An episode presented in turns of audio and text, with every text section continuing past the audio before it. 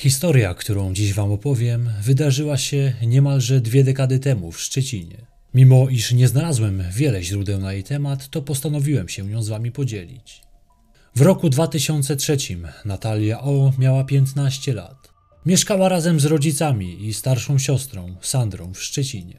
Dokładniej na osiedlu Książąt Pomorskich. To typowe blokowisko, kilka wieżowców, prócz tego niższe bloki. Rodzina O mieszkała w jednym z wieżowców. Natalia była spokojną dziewczyną. Była lubiana wśród rówieśników. Uczyła się dobrze.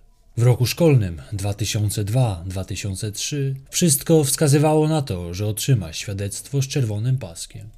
Dziewczyna miała ambitne plany na przyszłość. Chciała zostać lekarzem. W swoim pamiętniku napisała: Na razie jestem raczej przeciętną dziewczyną, ale mam nadzieję, że wyrosnę na kogoś niebanalnego.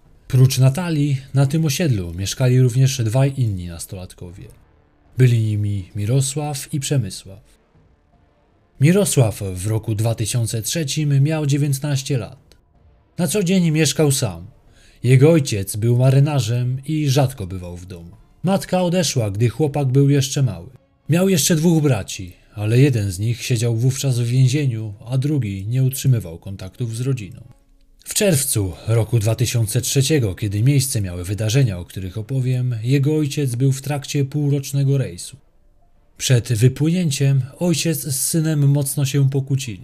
Z tego względu Mirosław uciekł na jakiś czas z domu i tułał się po przytułkach.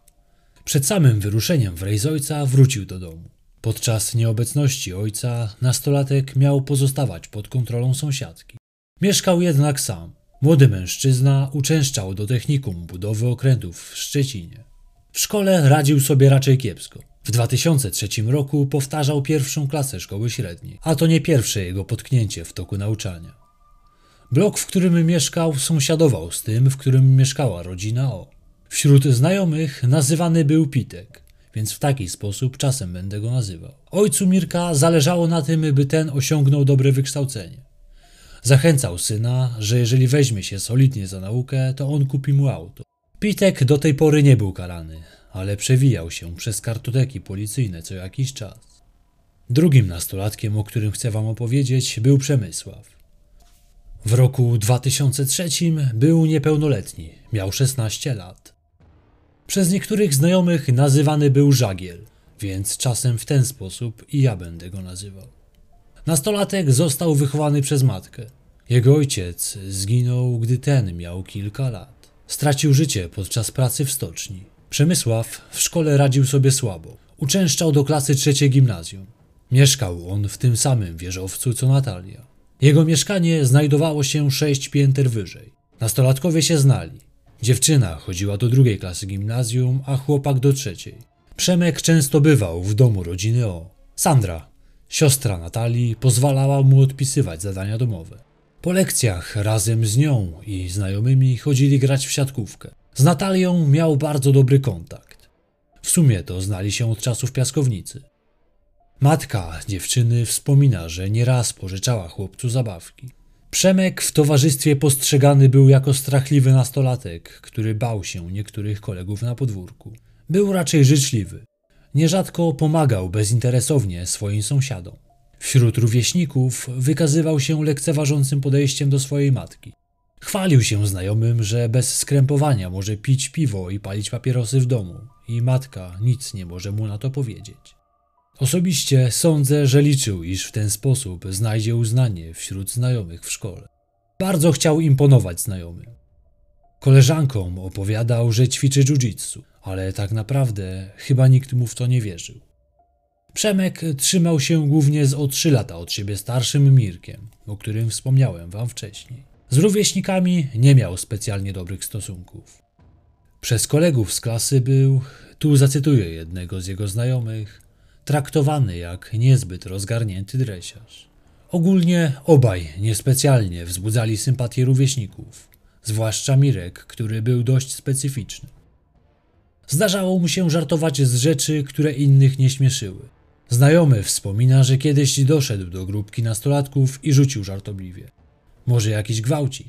Wśród kolegów wzbudzał co najwyżej uśmiech politowania. Nikt jednak nie sądził, by mógł on naprawdę pomyśleć o tym, że chce kogoś zgwałcić. Obaj, zarówno Przemek jak i Mirek, od jakiegoś czasu napadali na samotnie spacerujące dorosłe kobiety, a także nastoletnie dziewczyny. Były to napady na tle rabunkowym.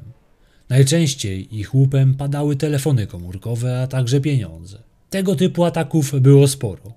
Nie wiem dlaczego nie zostali oni zatrzymani i nie postawiono im żadnych zarzutów. 11 czerwca 2003 roku była to środa. Natalia powinna około godziny 22 pojawić się w domu. Niestety jednak nie pojawiła się. Zaniepokojona tym faktem rodzina nastolatki zawiadomiła policję. W poszukiwanie piętnastolatki zaangażowało się wiele osób, w tym cała jej klasa, a także Przemek. Podczas rozmów ze znajomymi, on jak i Mirek rozważali, gdzie mogła podziewać się Natalia. Uspokajali pozostałych, że na pewno nic jej nie jest i niedługo wróci. W okolicy rozwieszano plakaty z jej zdjęciem. Niestety, finał poszukiwań okazał się być tragiczny. Ciało Natalii odnalezione zostało 13 czerwca. Zniknęła biżuteria, którą dziewczyna nosiła na sobie. Nie było wątpliwości, że została ona zamordowana. Policja przesłuchała rodzinę i znajomych. W wielu zeznaniach przewijały się dwa imiona. Tak, Przemek i Mirek. Ci dwaj od jakiegoś czasu kręcili się wokół Natalii i jej koleżanek. Obaj byli widziani w okolicy boiska, na którym ostatnio widziana była zaginiona. Po kilku dniach od odnalezienia ciała nastolatki, Pitek i Żagiel zostali zatrzymani. Podejrzewano, że mogą mieć coś wspólnego z jej śmiercią. Zostali przesłuchani. Podczas składania wyjaśnień obaj kręcili. Ich wersje różniły się od siebie. Nastolatkowie podawali różne numery autobusów, którymi razem jeździli. Dla śledczych był to sygnał, że coś ukrywają. Gdy zostali przyciśnięci przez śledczych, prawda na temat śmierci Natalii szybko wyszła na jaw. Oni byli osobami, które widziały nastolatkę żywą jako ostatni. I to z ich ręki zginęła. Obaj zrzucali na siebie winę nawzajem.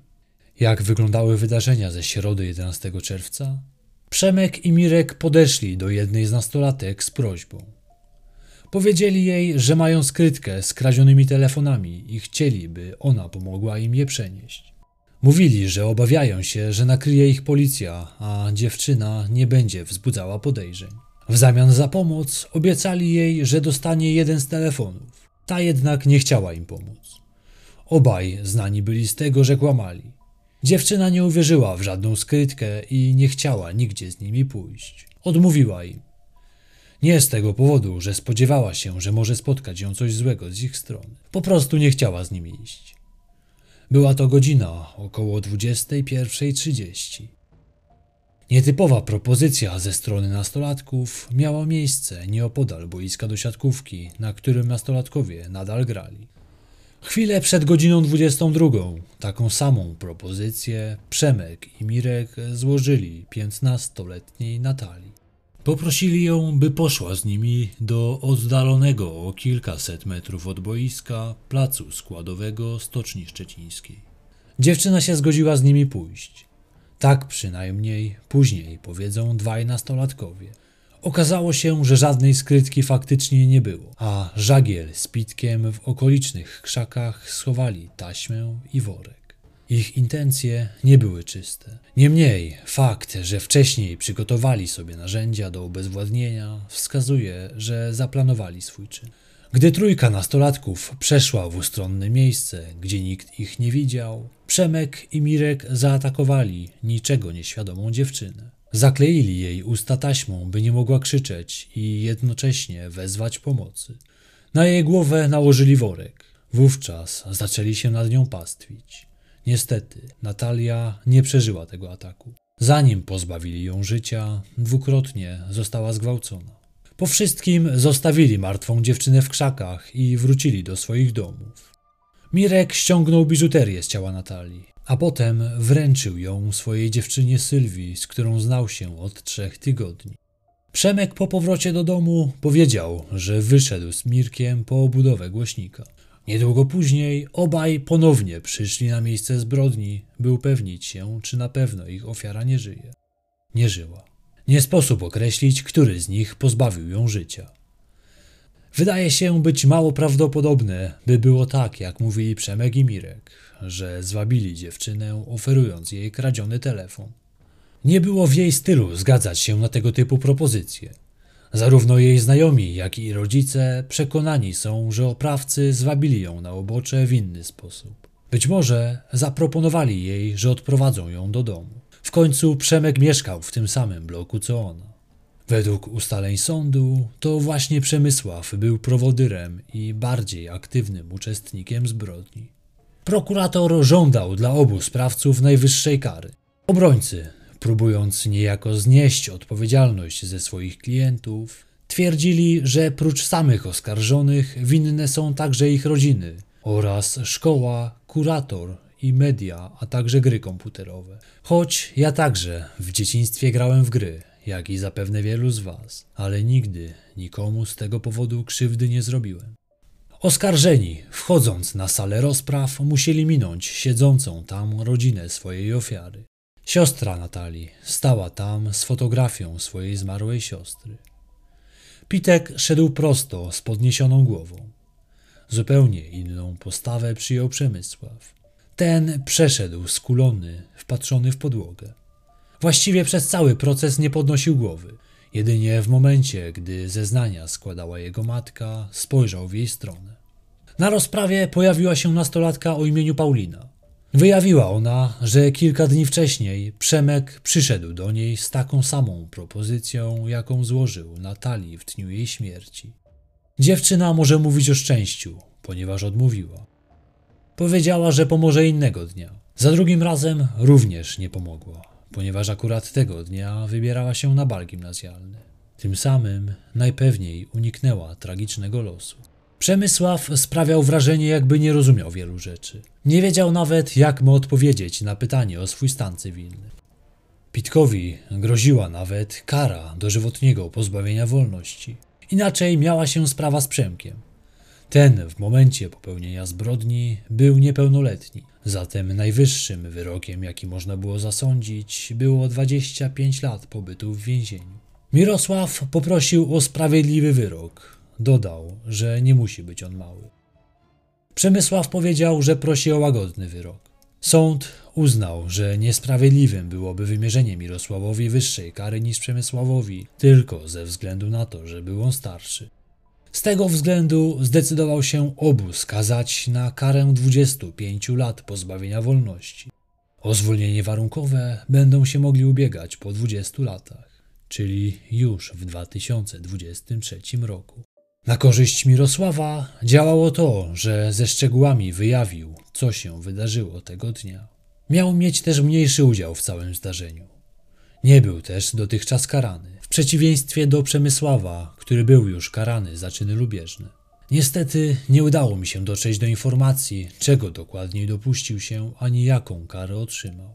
Rodzina Natalii była oburzona tym wyrokiem. Niektórzy wyszli z sali podczas jego odczytywania. Sąd zaznaczył, że przy osobach w tak młodym wieku należy pamiętać o względach wychowawczych. Zgodził się z obroną, że nie bez winy były warunki, w jakich obaj się wychowywali. Szokowało również określenie, że zabójstwo nie było zadane ze szczególnym okrucieństwem. Choć od momentu zwabienia nastolatki w odludne miejsce do jej śmierci minęło 40 minut, w trakcie których napastnicy się nad nią pastwili. Sąd w taki sposób uargumentował swoją decyzję. Szczególne okrucieństwo jest wtedy, gdy sprawca stosuje środki większe niż te, które są niezbędne do zabójstwa. Mieliśmy do czynienia z uderzeniem w głowę, duszeniem kablem, założeniem worka i zawiązaniem go, gdy ofiara jeszcze żyła. To zmierzało do jej zabicia i nie jest szczególnym okrucieństwem. Oskarżyciele posiłkowi, którymi byli rodzice Natalii, nie mogli się pogodzić z tak łagodnym wyrokiem i zapowiedzieli złożenie apelacji. Nie dotarłem do informacji, by apelacja cokolwiek zmieniła. To już wszystkie informacje, do jakich udało mi się dotrzeć. Życie straciła młoda, ambitna dziewczyna. Niczym nie zawiniła swoim oprawcom. Po prostu w ich głowach narodził się chory plan i zapragnęli go zrealizować. Myślę, że prędzej czy później i tak by dopięli swego. Nawet gdyby tego dnia Natalia im odmówiła, to najpewniej znaleźliby inną ofiarę. Czy do tej tragedii musiało dojść? Co spowodowało, że dwaj młodzi mężczyźni dopuścili się tak koszmarnego czynu? Pewnie jak zwykle przyczyn było więcej niż jedna. Wychowanie, środowisko, ale też własne predyspozycje. Niemniej wielu ludzi wychowuje się w podobnych warunkach, a nigdy nie dopuszczają się zabójstwa. Co najgorsze, już niedługo obaj sprawcy wyjdą na wolność, jeżeli jeszcze żyją. Czy będą zresocjalizowani? Sami sobie odpowiedzcie na to pytanie. Ciężko jest mi wyrazić żal z powodu tego, jaki los spotkał Natalię. Oby tylko Przemysław i Mirosław nigdy więcej nikogo nie skrzywdzili. A teraz dziękuję Wam za wysłuchanie tego odcinka. Już za kilka dni usłyszymy się ponownie. Do usłyszenia. Miłego dnia.